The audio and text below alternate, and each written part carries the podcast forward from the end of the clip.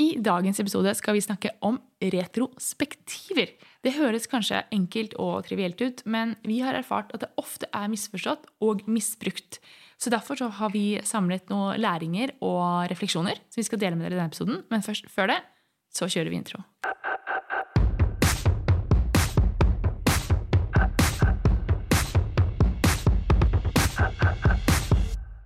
Velkommen, rebeller, utfordrere. Dere som driver oss fremover og krever mer. Dere som vil gjøre en forskjell. Skape magiske arbeidsplasser med lykkelige mennesker som skaper produkter som kunden deres elsker. Men 75% av nordmenn føler lite eller ingen engasjement i jobben sin. 94% av ledere sier jo at smidighet og samarbeid er kritiske faktorer for at deres organisasjon skal lykkes men kun 6% av dem mener selv at de er smidige. Dette er podden som vil inspirere, gi deg konkrete tips og verktøy som vil hjelpe deg med å skape endringsdyktige organisasjoner med høyt engasjerte og motiverte ansatte som lager uslåelige produkter. Med smidig-coachen, kurs- og foredragsholderen Ida Kjær ved sin side har hun kurs- og foredragsholderen, smidig transformatøren og topplederen Tobias Falkberger.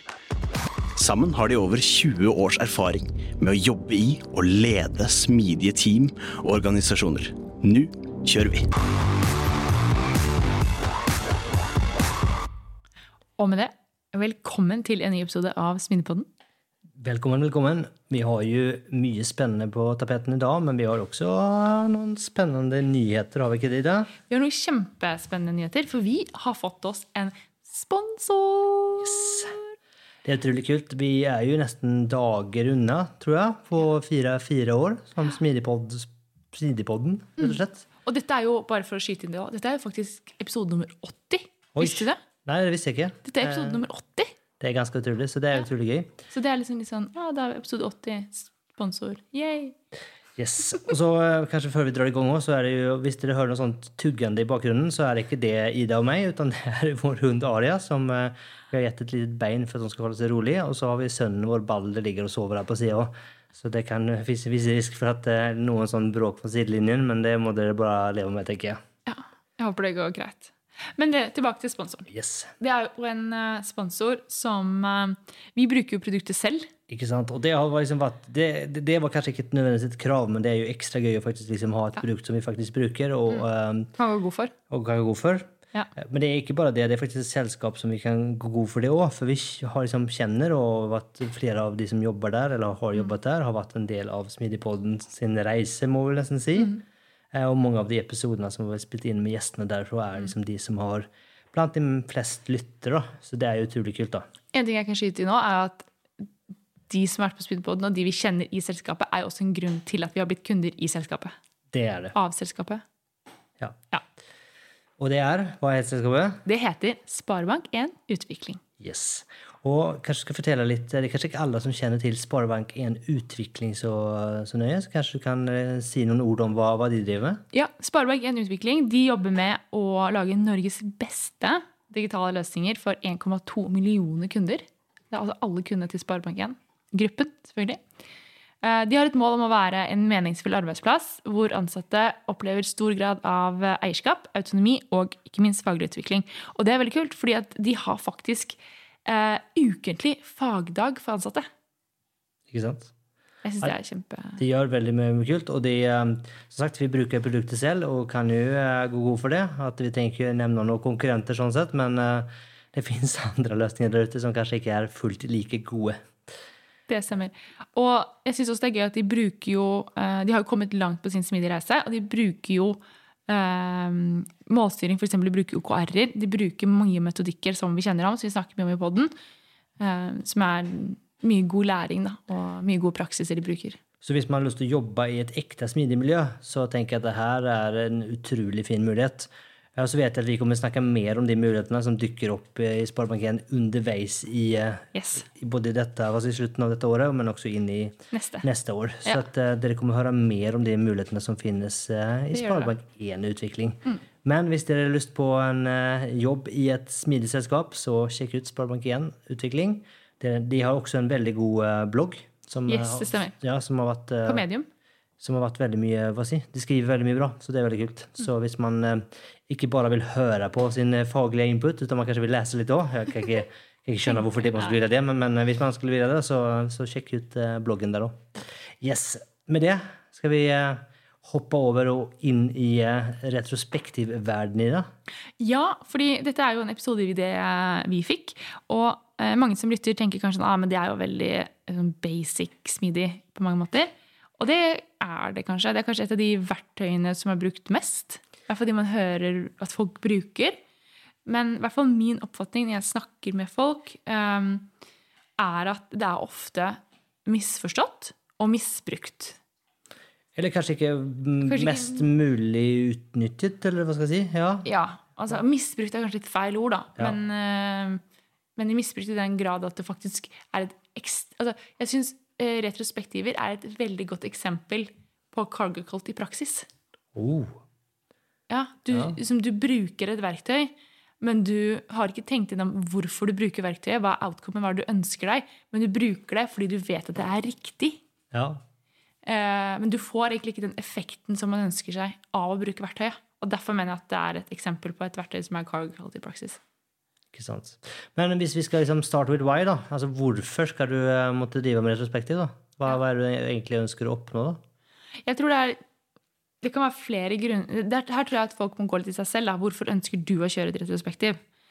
Eh, Det er jo ett element av det, men typisk så er det jo noen faktorer. og Det er at vi har kontinuerlig læring. Ja, jeg, tror jo at kanskje det er allerede der det mange feiler. da. Jeg tror ikke Ja. at de kanskje ikke kan svare på det. At de ikke vet. At det er bare en måte De vet det er riktig. Ja, ja. Ja. Men, men eh, man kan jo si at man kan dele inn eh, noen av grunnene, da. Eh, sorry, nå drikker hunden vår vann, eh, men eh, det tar nå slutt. Og nå spiser hun litt mat, så bare hold ut, folkens. Eh, nei, men uansett, sorry, en liten digresjon der. Jeg tenker at det er noen måte, mm, grunner til at man ønsker å kjøre en retrospektiv. Og det ene er jo at man ønsker jo å sette av dedikert tid til læring og kontinuerlig utvikling. Kontinuerlig utvikling og læring. Uten å sette av tid til det, så blir du ikke en lærende organisasjon. Så det er på en måte den ene aspektet av det. Den andre biten som veldig få tenker på når de tenker på retrospektiver, er noe vi snakket om for mange år siden. Hvor du nevnte at ja, men retrospektiver er også kjempeviktig for kommunikasjon. Bare det å lære å snakke sammen som en gruppe. Der er- spiller retrospektiver en kjempestor rolle. Så hensikten må ikke være kontinuerlig læring og forbedring. Det kan også være det at man trenger faktisk å snakke sammen. Kommunikasjon, og jobbe med kommunikasjon. Og retrospektiver kan også være et kjempekraftig verktøy inn i det å bygge psykologisk trygghet. Det er faktisk bruke tid sammen og bli kjent og forstå hva er det som ulike mennesker i teamet mener er viktig og riktig eh, å bruke tid på. Og som ikke minst synes er frustrerende.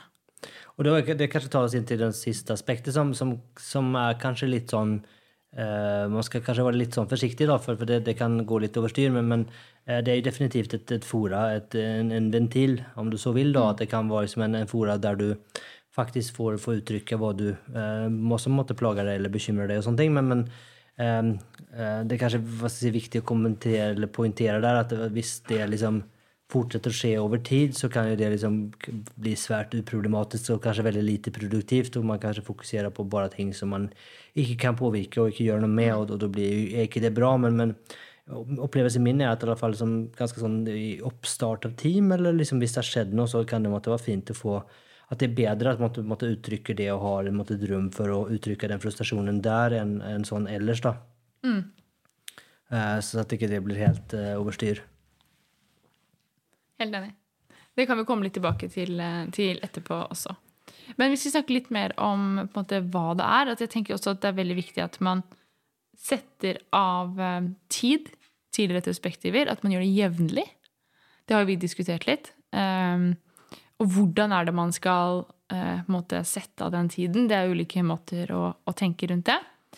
Um, for der er det jo både at lederen kan være veldig tydelig på hva man ønsker, men man ønsker jo, selv om lederen er tydelig, så er det viktig at gruppen får et eierskap over hyppigheten på retro.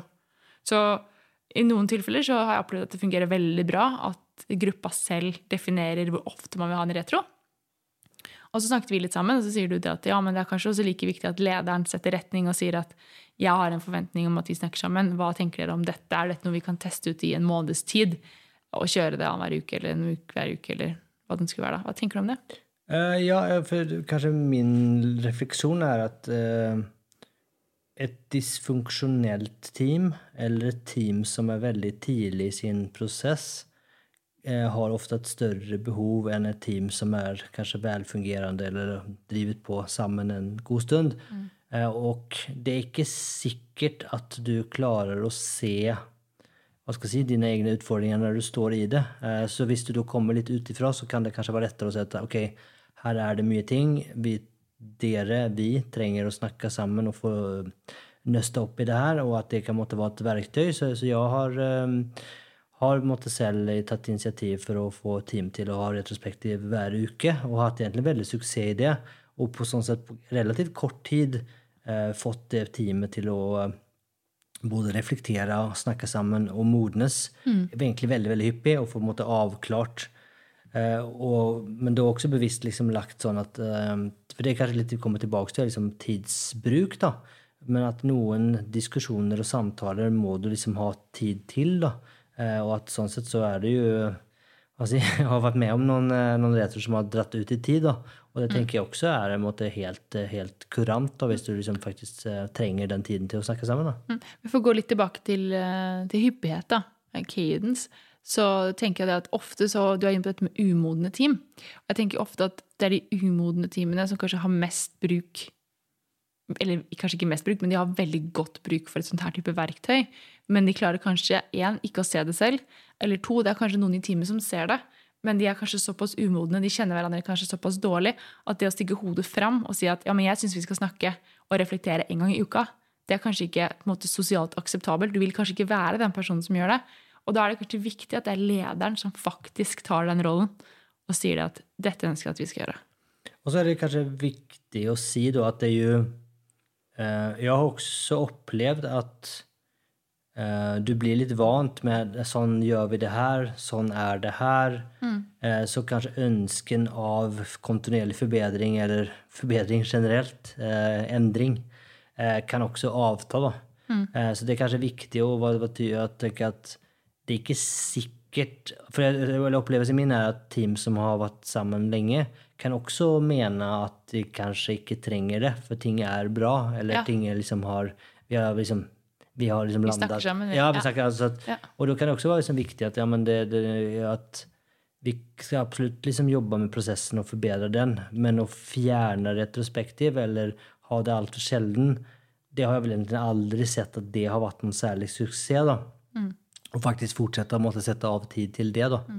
Eh, og, og det fører oss kanskje liksom litt inn i Jeg vet ikke om du eh, om jeg går litt for fort i det, men, men, men at, liksom, at du faktisk har At de retrospektene gir noe. For hvis du ikke får noen effekt av det, eller du sitter og føler liksom at det bare er nok et møte som ikke gir noen verdi, så kommer så klart interessen og si, deltakelsen og engasjementet gå betraktelig ned. Og da er det jo klart, da er det jo vanskelig kanskje å måtte holde det gående, holde det levende, hvis du liksom ikke ser at innspillene dine eller refleksjonene dine faktisk leder til noen form av forbedring eller liksom endring. da. Helt enig. Men kan vi ikke holde litt på den tanken der, og så gjøre oss ferdig med liksom dette med liksom, eh, hyppighet, format, eh, hvor mange pers, liksom sånn, så kan vi gå tilbake til det etterpå. Ja. Eh, fordi ofte et spørsmål jeg får, er liksom, hvor mange er det vi kan være i et retrospektiv? Hvordan er det vi kan kjøre det? Og da eh, hva, er, hva er dine refleksjoner rundt det? Eh, Det kommer klart veldig mye an på, på fasilitering. Um, Og det spørs jo at du kan jo måtte Og det kommer litt an på hvor god Hvis du har et team som er ganske selvgående, så, eller liksom en stor gruppe, da, så kan du definitivt måtte bryte det opp, f.eks. Mm. og enten ha måtte, flere fasilitatorer, eller at de i i større grad klarer å fasilitere seg selv. da. Eh, og da kan du måtte komme unna med det. Eh, og at du kan også måtte ha liksom, eh, alene to-fire eh, tilnærming på ting, som gjør at du klarer liksom, å, å vekse det. Men det er klart at tidsbruken henger jo sammen med antall deltakere. Eh, så någonstans så går, møter du et punkt der det liksom ikke blir kanskje helt forsvarlig. Um, og så er det klart noe med liksom en ting er jo psykologisk trygghet, men en annen ting er jo bare å måtte snakke innenfor store grupper. Altså Hvis du kommer opp til et visst nivå, så, så er det kanskje folk du måtte ikke kjenner, eller du er ikke komfortabel å snakke innenfor så stor gruppe. Og da begynner du også kanskje å si at oi, ja, er det virkelig, får du ut den verdien du ønsker, da? Eh, og så er det jo kanskje igjen, da, hvis det For, for det, det har vi ikke snakka om, men jeg, jeg tenker jo at det absolutt finnes mulighet for å kjøre retrospektiv for å ikke nødvendigvis, altså Det kan jo være måte, kontinuerlig læring i et lengre perspektiv, men at det måtte, kanskje mer nesten lær, læring. At du kanskje har hatt noen form av prosjektaktig virksomhet, eller har hatt noe.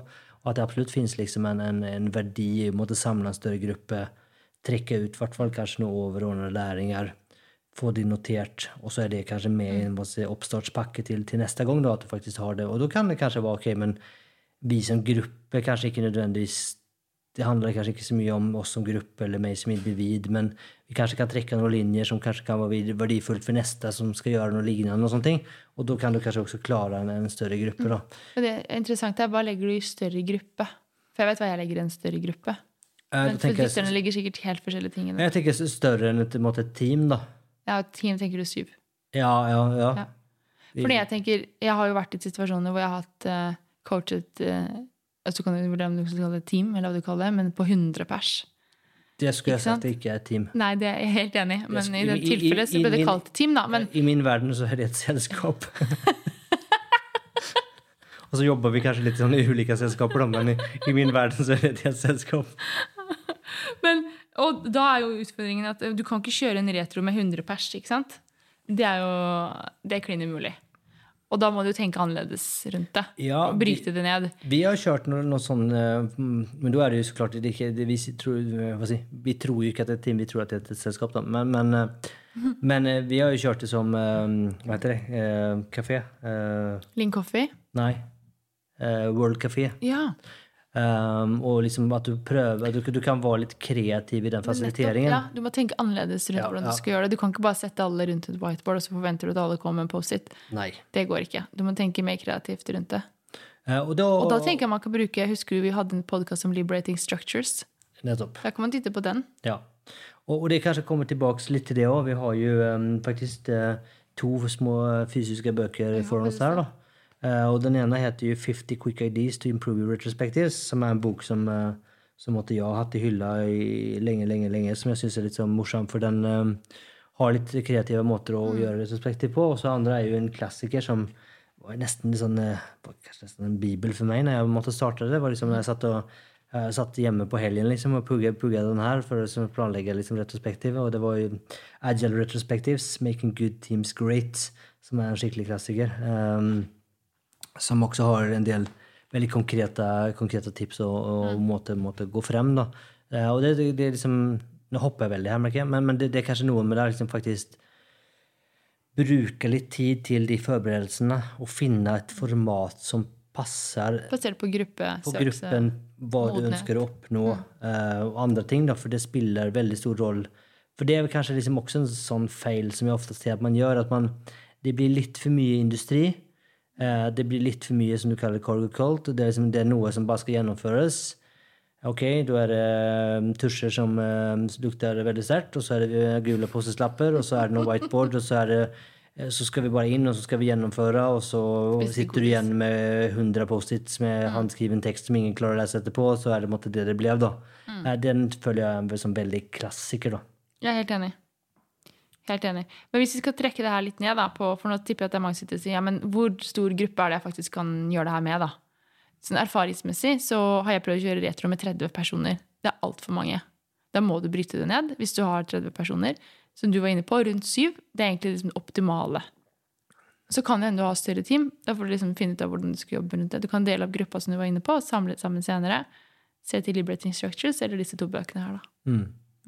Ja, ja. Nei, Jeg tenker altså Dobbel teamstørrelse tenker jeg og min erfaring er at det er liksom sånn 15 pers. Mm, der tenker jeg grensene Ja. går. Men, men som vi gjør ofte i Riks-TV, hvis vi har større ting, så, så jobber vi sammen. Så da har vi flere fasilitatorer. Ja.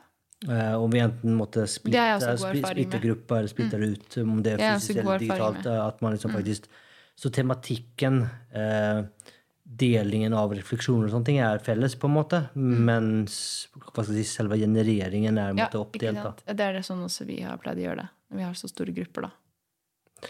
Uh, Så, så det er jo absolutt. Og så er det jo um, uh, liksom en, Hoppa enda mer tilbake, så syns jeg jo at en enda mer interessant variant av retrospektiv er jo retrospektiv i, i enda mindre kontekst. da.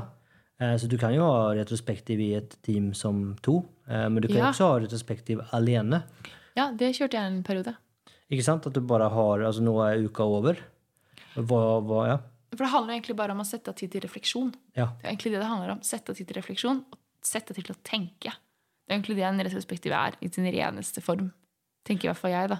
Ja, vi si, jeg er helt enig. Og det er jo Det høres kanskje helt trivialt ut, men, men, men det er jo fort å glemme. det. Det høres helt tragisk ut, men at man, Ja. at man ikke tenker det i hverdagen. Men, men, men det er jo litt sånn at du, du løper fort, og så har du liksom ikke tid til å faktisk eh, reflektere over hva du har fått til, og hva som var bra, og hva du kunne gjort bedre, og sånne ting. Da. Nei, for jeg hadde, da kjørte jeg på en måte retrospektiv med meg selv. Da Og da satte jeg tid i kalenderen. Satte av kvarter, til det var, 20 minutter, eller noe sånt nå, og så gikk jeg på et stillerom for meg selv. Og så skrev jeg ned liksom hva jeg har gjort bra, hva som gikk bra denne uka, og hva som gikk dårlig. Og så valgte jeg ut én ting da, som jeg skulle fokusere på neste uke.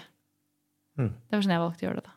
Det synes sikkert mange andre måter å gjøre det på, men Men, men eh, tilbake til måte, svaret på tidsbruk kanskje henger sammen med, med størrelse. Så eh, i mine eh, tidligere dager så hadde jeg en sånn tommefingerregel, sier man det?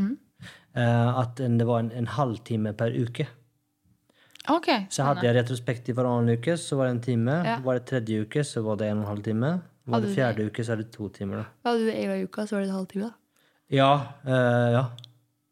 At Det funker jo kanskje hvis du har et ganske lite team. da. Ja, hvis hvis du har mange, jo så på- blir det på- for lite tid. På teamstørrelse, ja. Mm. At det var ganske eh, Og det er klart at eh, vi har, det er jo speedretro er jo også en, en greie som vi har som eksperimentert en del med, som også er ganske interessant. da. Mm. Uh, det mener jeg, og det er kanskje sånn generelt det er kanskje tilbake til ting som ofte folk gjør feil, og er jo, tenker jeg er jo det med faktisk forberedelser.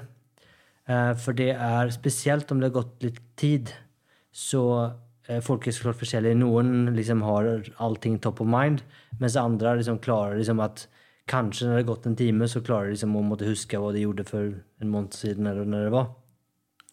Så ofte så syns jeg at, at det er en fordel at folk har brukt litt alenetid. Tatt seg tiden til å tenke litt før. Kanskje gjerne til og med notert litt, da. Eh, Så at du kommer inn i den retrospektiven og faktisk liksom ikke måtte bli helt tatt på sengen. Du er litt sånn forberedt på hva er det hva er min refleksjon, hva er min opplevelse. Og det tror jeg også hjelper til å ikke bli så ferget av hva alle andre tenker og mener. da. At du står litt, sånn, litt tryggere i, i deg og din egen mening. da. Eh, og det tenker jeg kanskje er absolutt en sånn ting som, som dessverre man tar litt lett på. da, Eller man, hvis man har en hektisk hverdag, er kanskje mer riktig å si. At, liksom at Det er ikke det du prioriterer, for du har et møte uansett. hvor ja, du ikke skal sant? Så derfor så, og du kommer du dit, og så bruker du nesten største delen av møtet til liksom bare, oh shit, hva var det som egentlig skjedde, liksom? Og så Ja. Ja, for dette er veldig viktig for meg, for jeg bruker tid på å tenke. Jeg trenger tid til å tenke tilbake og reflektere. Og liksom, så jeg er avhengig av det å faktisk få lov til å forberede meg litt først. Og Derfor syns jeg noen ganger at det kan være ganske krevende hvis man har noe som fasiliterer en retro, og de kommer opp med liksom helt nytt sånn superfancy framework for hvordan du skal liksom tenke og hvordan du skal putte inn i bokser. Ja, det er veldig gøy. Jeg syns det er kjempemoro. Vi liker det veldig godt. Men for meg er det også veldig veldig utfordrende. For det er liksom, ok, herregud, hva skal jeg sette i denne boksen her? Det er syv ulike bokser. Jeg har bare tenkt på liksom like, learned, lagt, ja. Ok, hvordan skal jeg sortere dette her nå? ikke sant? Da bruker jeg mer tid på det enn på å faktisk reflektere. Og det er liksom kanskje ta det inn over seg som fasilitator, at folk er forskjellige. da. Men så tror jeg også at du kan ikke forvente at folk skal sette av to timer før retrospektiven til å sitte og reflektere. Det må liksom være sånn, sånn short and snappy. da. De Ja. må, det er snakk om ti minutter på en måte, som du skal trenge å, å tenke litt i forkant. da. Tenker Ja, jeg da, er kanskje litt individuelt da, hva man har behov for. Sikkert litt individuelt òg, ja. Um, og det kan jo også være en sånn ting at det er jo eh, altså Vi snakker jo om kontinuerlig læring, kontinuerlig forbedring. Og det tenker jeg det, det kan være litt sånn farlig å tenke at det skjer i retrospektiv. da. For det tenker jeg det, Det er veldig veldig godt poeng, og nå er vi litt inne på hvorfor vi skal være retrospektiv. Kan ikke gå litt, følge den tanken? Ja, for det, det, tenker på at det, liksom, det er jo viktig at det her ikke blir en hvile, Hvilepute? hvilepute. Eh, at du faktisk liksom eh, Det hindrer ikke från å måtte gjøre forbedringer eller lære eller reflektere eller snakke sammen utenfor. Eh, For det kan det fort bli at du liksom faktisk Ok, men då, vi har jo retrospektiv, vi tar det da. Altså er retrospektiven i seg selv er jo ikke en Det kan jo være en læringsarena. Men det er jo egentlig en arena for å identifisere hva man skal jobbe med videre. Ja, og, og det tar oss kanskje videre til det. For det er jo- opplevelsen min er jo at um, ofte så blir eh, retrospektiv en Post-it-generator. Mm. og det er jo lite verdi i det. Og at, eh, min opplevelse er jo at eh, less is more, egentlig. Og jeg tror at det er verdifullt å bruke tiden til å bli enig om noen få ting som man faktisk tar med seg og følger opp, enn å komme opp med veldig mye ting som ingen kanskje har verken eierskap til, forståelse for eller vil gjøre noe med. da. Her tenker Jeg jeg er helt enig at ikke man skal ha liksom en Post-It-generator. Jeg er helt enig at man ikke skal ha en Post-It-generator, men jeg tenker også at det er veldig viktig at man Jeg har vært med på retrospektiver hvor det blir sagt at ja, men du får tre lapper. Da er jeg sånn OK. Hvorfor skal du sette en begrensning på hvor mye jeg mente var bra eller dårlig i denne perioden? Så det syns jeg var litt sånn restraining. Det kalles prioritering. Ja, men det liker jeg ikke, da. Jeg, jeg, jeg er litt fan, ja. Nei, ja, men jeg syns det ble veldig sånn Jeg synes et retrospektiv Du prioriterer til slutt, men i starten så skal alle tanker være lov eh, å komme med, da. Og du prioriterer på slutt. Du trenger ikke å prioritere på en måte, hva jeg syns var bra og dårlig i denne perioden. Jeg syns du skal få lov til å komme opp med liksom, totaliteten, så man får et helhetlig bilde. da. Fordi det du sitter på som enkeltperson, og du mener kanskje i gåsehudene er trivielt, det kanskje ikke er det. For kanskje alle sitter og føler på det, men kanskje alle nedprioriterer det fordi du bare har tre lapper. Følger du meg? Jeg følger Sorry. Vi tar en pause. En pause. Og da er vi tilbake. Balder eh, har inntatt en sovende posisjon. Så med det, hva tenker du om det, Tobias? Det er kanskje mange som føler på det samme, men da prioriterer det ned? Det er så klart en risiko, men jeg tenker det handler litt om tidsstyring. ehm, og at det, er liksom Ja, hvis alle mener at det er ikke viktig, så ingen tar det opp, er det jo egentlig viktig? Jeg er litt usikker. Eh, og jeg tenker at det er jo ehm, litt igjen på, på ehm, Spesielt hvis du er mange, så tar det veldig lang tid. Du måtte høre på alle personer, og det er kanskje ikke nødvendigvis eh, riktig. Og at, sånn sett, jeg mener at det kan være en altså klart Ideelt så, så kanskje du har lyst til å måtte prioritere helt på slutten, og sånn sett måtte bruke egentlig all, all tid og alt som er, for å måtte få, få mest mulig opp, og så ta prioriteringen helt på sist. Men, men, men jeg syns ikke at det nødvendigvis alltid er gærent. da. Ja, men jeg syns det er et interessant eh, perspektiv. Men eh, om vi begynner å bevege oss til hvordan er det man faktisk gjennomfører en retro, da? Ja, selv er jeg jo litt sånn fan av den uh, Agile Retrospectives, Making Good Teams Great. Oppskriften der, men det er kanskje litt sånn for at det er mye av måte, hva si, jeg har bygd historikken min på, men, men, men den har liksom en, en oppskrift med noen ulike steg. da, og jeg synes at liksom, det, det er definitivt noe, noe verdi i det. Og det den snakker om sånn helt, eh, helt i starten, er jo å måtte sette scenen. Um, og typisk liksom det man kanskje kjenner som check-ins. da. Og det er jo en, helt klart en verdi at få folk så tidlig som mulig til å snakke. For har du snakket en gang, så er det lettere å snakke en, en andre gang. Eh, og ja, helt konkret eh, syns at det var Og det er også en sånn, det er kanskje tilbake til det med å måtte få folk til å begynne å tenke. da.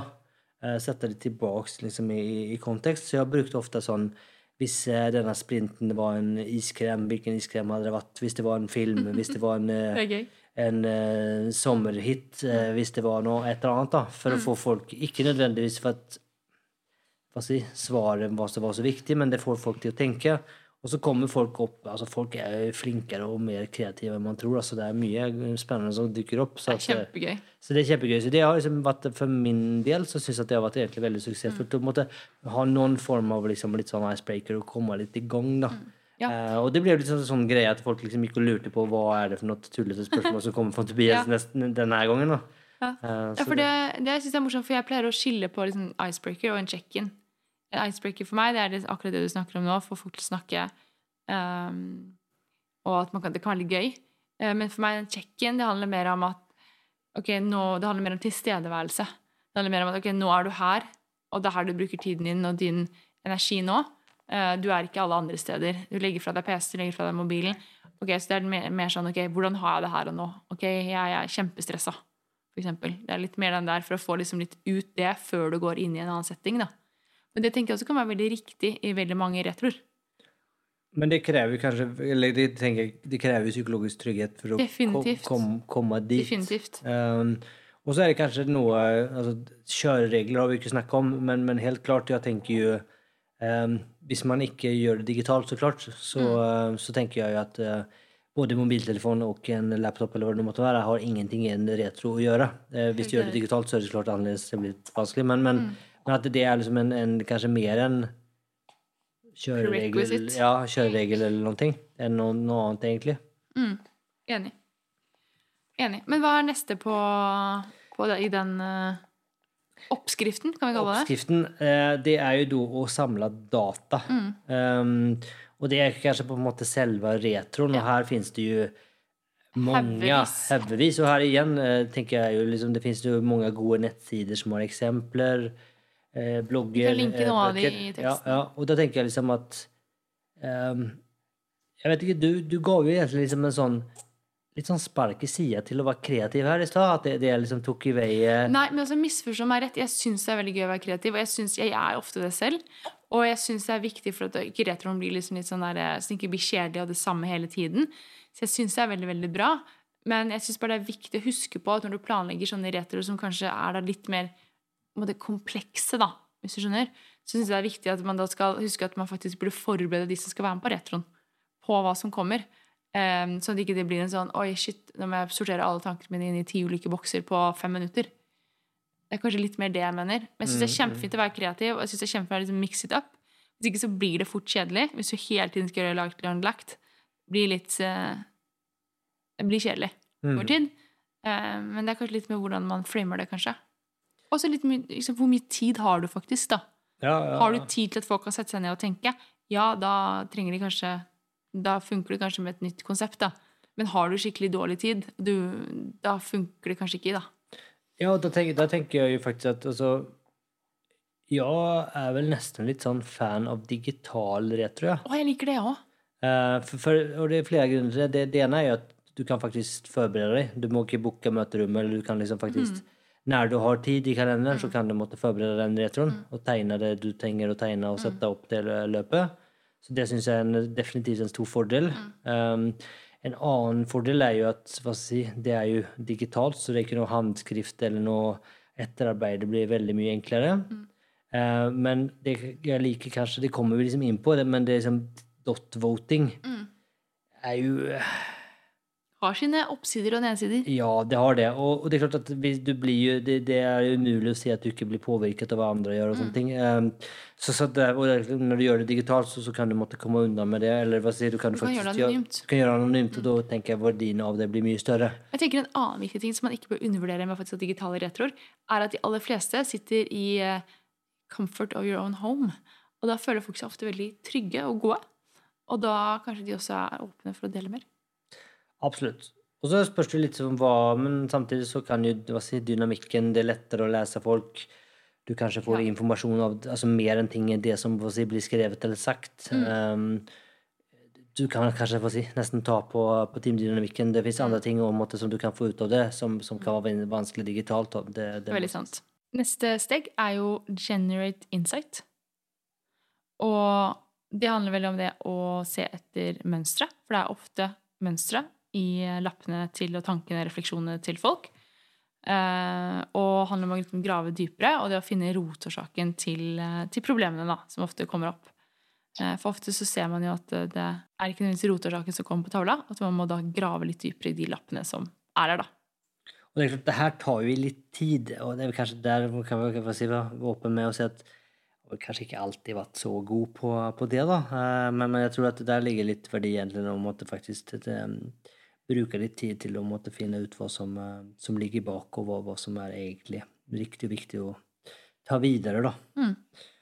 Eh, og så når man har gjort det, da, så er det jo kanskje fint å eh, bestemme hva man skal gjøre, da. For det er jo fort at det her er vel kanskje typisk forbedringsområder eller problemer, om man så vil, som dykker opp, og da er det jo kanskje vanskelig å bare løse det uten å ha noen form av eh, tanke om hva det kunne vært. da. Så det, det, er jo naturlig at det er liksom neste steg. da, Å lage seg noen mål, eller kanskje noen eksperimenter, eller mm.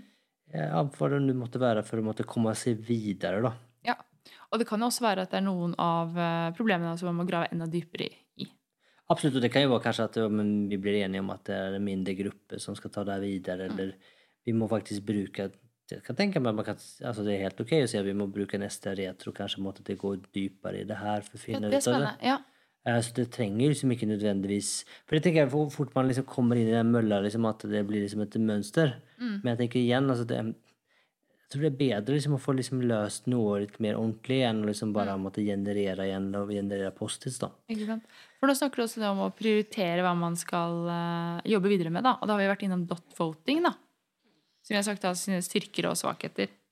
Absolutt. og det, er, ja. Eh, det, det er i hvert fall noe man var bevisst på. Det ligger mye makt i den som går ut først, og også den som går ut sist. Da. Definitivt. Eh, og det er kanskje noe man må være klar over. Og, og man kan jo også, det er jo, Taktikkstemme er jo også en, en, en mm. greie. da, Så ja. det er jo noe med å være litt så bevisst over det. og Vi snakker jo om at i digitale sammenheng så er det jo lettere, men man kan jo måtte hva si um, f.eks. skrive på en post at hva man ønsker å stemme på, og levere det inn til den som fasiliterer, så kan den, eh, når alle har gjort det etterpå, f.eks. fordele de Fordele stemmene. stemmene. Mm. Så det fins måter å komme, komme rundt det. Så er ikke det nødvendigvis et stort problem. Det kommer jo litt an igjen på, på psykologisk trygghet og gruppe, gruppen i, mm. i, Og leders rolle, ikke minst. Altså Hvor sterk er leder Eller har du andre skikkelser i gruppa som er veldig ikke sant? Og det kan jo også være en sånn ting, altså Som fasilitator så kan det kanskje være lurt å kanskje da sørge for at en person med veldig mye innflytelse kanskje ikke er den som nødvendigvis går først eller sist. da.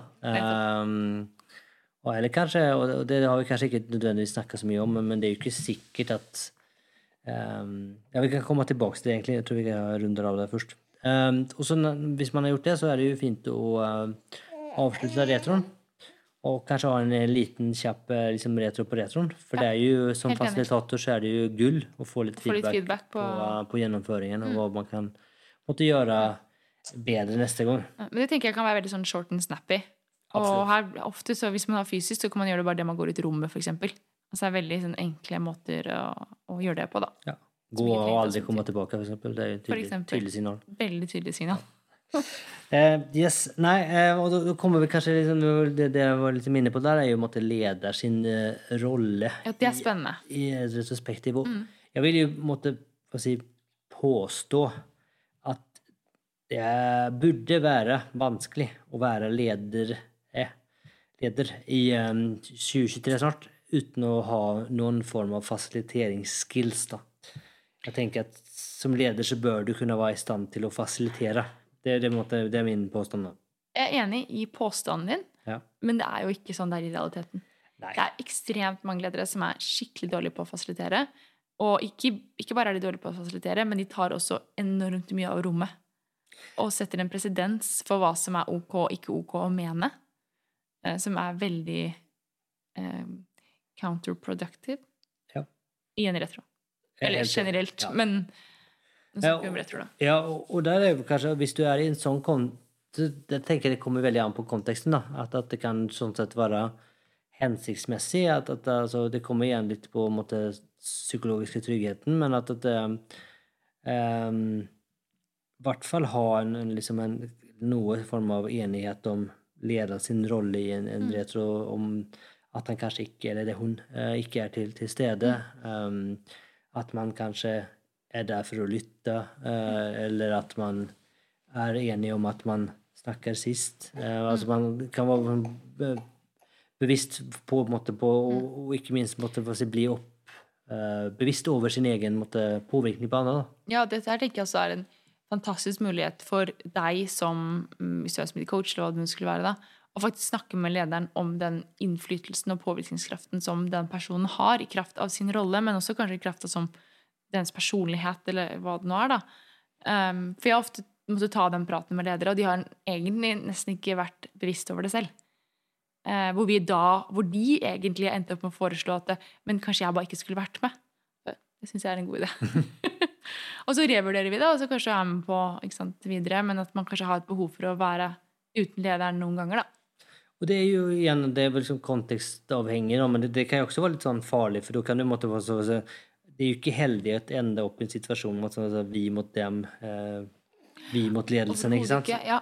Så, så, den er jo litt sånn eh, Kanskje bør være litt, litt forsiktig hva som er måtte, riktig, riktig vei fremover der, og, og, og måtte ha en, en, dialog rundt det, da, tenker mm. jeg måtte, er viktig. da, og at og det er kanskje igjen, jeg synes at det er liksom fint å måte, Vi snakket litt tidligere om å måtte gjøre ting på litt ulik måte, teste ulike ting, bryte det opp. Og det tenker jeg også kan være her òg. Altså, test både med og uten eh, leder til stede, f.eks. Mm. Um, altså, du kan jo også, også, på fasilitering bytte på fasilitering. Ja. Uh, det er veldig vanskelig å fasilitere og være deltaker samtidig. Så det mm. kan jo også være altså, Hvis du er typisk at det er en som alltid fasiliterer, så kanskje mm. man kan bytte på der, så mm. faktisk man måtte få få vært mm. deltaker òg. Mm. Uh, synes jeg som, når jeg jobber som smidig så har det også vært Noen ganger så har det kanskje vært fint å måtte være delaktig, faktisk, og ikke bare fasilitere. Um, så i Riks-TV så gjør vi det ganske ofte at vi måtte fasilitere hverandres retroer eller hverandres team. Ja, så for å bytte på, så at du faktisk Det får man litt Enten du bare er med, med og observerer og faktisk kan mm. ta ting mer innover deg, for du trenger ikke tenke på fasiliteringen, eller om du faktisk er deltaker selv. da. Veldig fint verktøy. Eh, at det faktisk er en måte å få det, få det mm. til. da. Jeg syns også det er viktig å huske på at det er ofte personer i et team eller en gruppe som ikke nødvendigvis er ledere, men de har kanskje eh, veldig sterke meninger, eh, som igjen kanskje former andres meninger, eller kanskje sier noe om folk har lyst til å snakke eller ikke. Eh, og de personene eh, er jo også viktig å ta tak i. Selv om de ikke er en leder, så setter jo de også retning eh, for retrospektiven. Og det å kanskje ha en prat med dem, som faktisk snakke om deres innflytelse på gruppa, kan være veldig, veldig verdifullt. tenker jeg, Syns jeg i hvert fall, da, for en retro. Absolutt. Så det ikke blir sånn skikkelig one man show, eller one woman show. alt. Absolutt. Og den, den der er jo Ja, der er jo helt klart potensiell kompleksitet. Eh, eh, potensielle konflikter. Mm. Potensielle, det er en del ting som du kanskje måtte støtte på. Da. Så jeg tenker at igjen at det er jo um, det, det, er en fordel liksom, at, måte, som, som, den som er ansvarlig for gjennomføringen, at liksom tørre å stå litt i de her tingene. Da. For det er ikke sikkert at liksom, ting måtte gå på skinner, eller at mm. du har det klimaet. Det, kan det er kanskje en del samtaler du må ta, en del feedback du må gi. Mm. Uh, som måte for å liksom legge til rette for det at mm. du faktisk har et, eh, et rom da, for, for mm. å faktisk ha den refleksjonen og læringen og, den dynamikken du ønsker. Da. Mm. Men så synes jeg også det er viktig å huske på det at eh, hvis du nå skal ut og fasilitere en retro, og så har du disse personene i gruppa, og så klarer du kanskje ikke å fasilitere det på en god måte, um, ikke se på det som en mislykket retro. Se heller på det som at du har generert innsikt sånn at du selv kan bli bedre til å kjøre neste retro og retro etter der igjen. Og ikke bare det, men du har også fått utrolig mye god innsikt i teamdynamikken.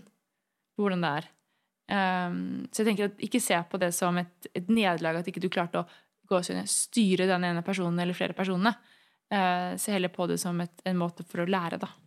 Og det tenker jeg er et godt poeng. Altså, hvis du jobber, hvis det her er ditt team, da, altså du jobber som smidig coach fast, mm. altså, du har et ønske om at dette teamet skal måtte bli, bli, bedre og bedre, så er det jo jeg synes det, er, liksom, det er jo en, bare det å være sammen med teamet og måtte jobbe sammen eller et eller annet. Om det være en retro, så du lærer utrolig mye. Så det er liksom ikke Jeg tenker at det er viktig å ikke måtte henge seg altfor mye opp i nødvendigvis det som står på den ene posten. Mm. Men det er jo som du sier, det er, liksom, det er teamdynamikk, det er personligheter, det er masse ting her som, måtte, som det går å jobbe med, går å coache på, eh, går å bruke. Mm. Eh, så det er jo sånn sett liksom en litt mer meta, da, men der er jo definitivt liksom mye læring og mye verdi som på en måte genereres, som er egentlig på en måte indirekte bare gjennom den retroen. da. Enig. Da yes. har vi vel egentlig vært igjennom det meste? Jeg tror det. Ja. Jeg synes jo sånn um, Jeg har i hvert fall noen sånn, sånn viktige prinsipper når jeg kjører en retro. Oh, prinsipper er fint. Ja, litt sånn eh, Ja, litt prinsipper, da. Og noen av de prinsippene jeg har, er liksom det at alle skal ha lik taletid. Ja. Um, man skal ikke legge ord i munnen på andre. Det har jeg vært med på. Sånn, ok, men jeg tolker det som at du sier dette, og så skriver den personen det på en lapp. Det syns jeg er veldig uheldig. Da kan du potensielt legge ord i munnen på noen, eller følelser eller tanker, og det er ikke riktig.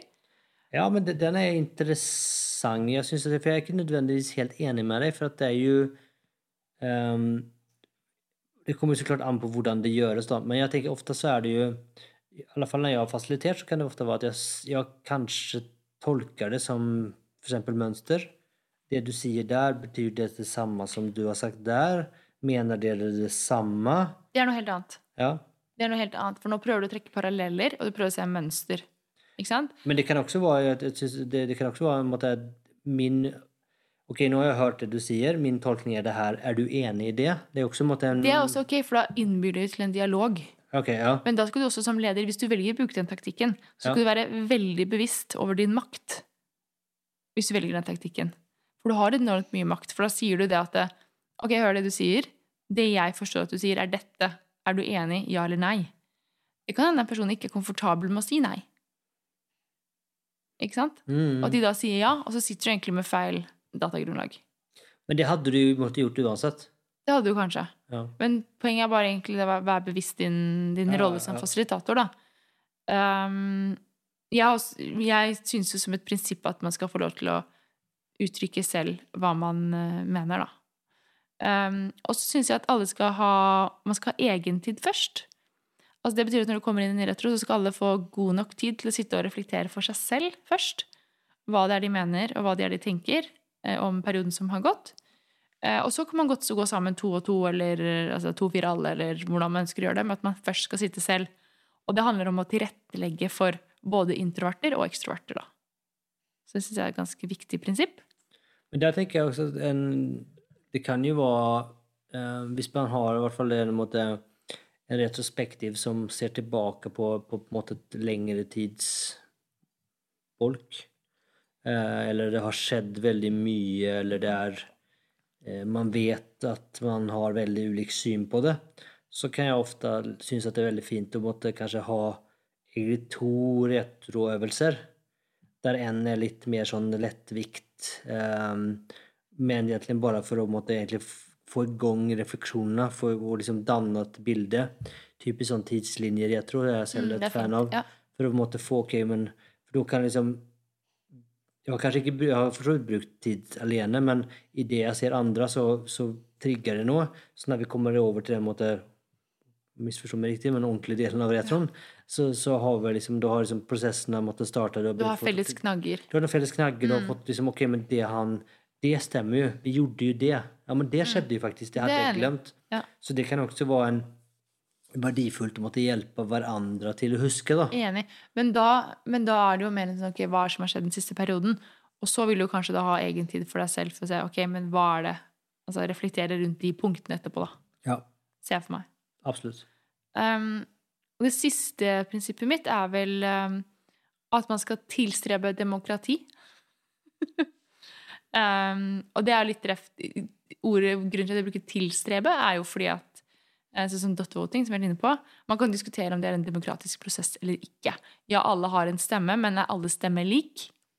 Det kommer an på hvordan du kjører det. Mm. Hvis du har eh, digitalt, og du kjører med anonymt, som du f.eks. kan gjøre i Miro eller i eh, Easy Retro, da er du anonym, så da har jo alle en lik stemme.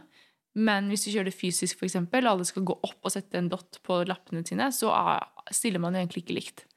Går lederen opp først, f.eks., så setter jo den personen en ekstrem en presedens for hva som er ok og ikke ok å stemme på.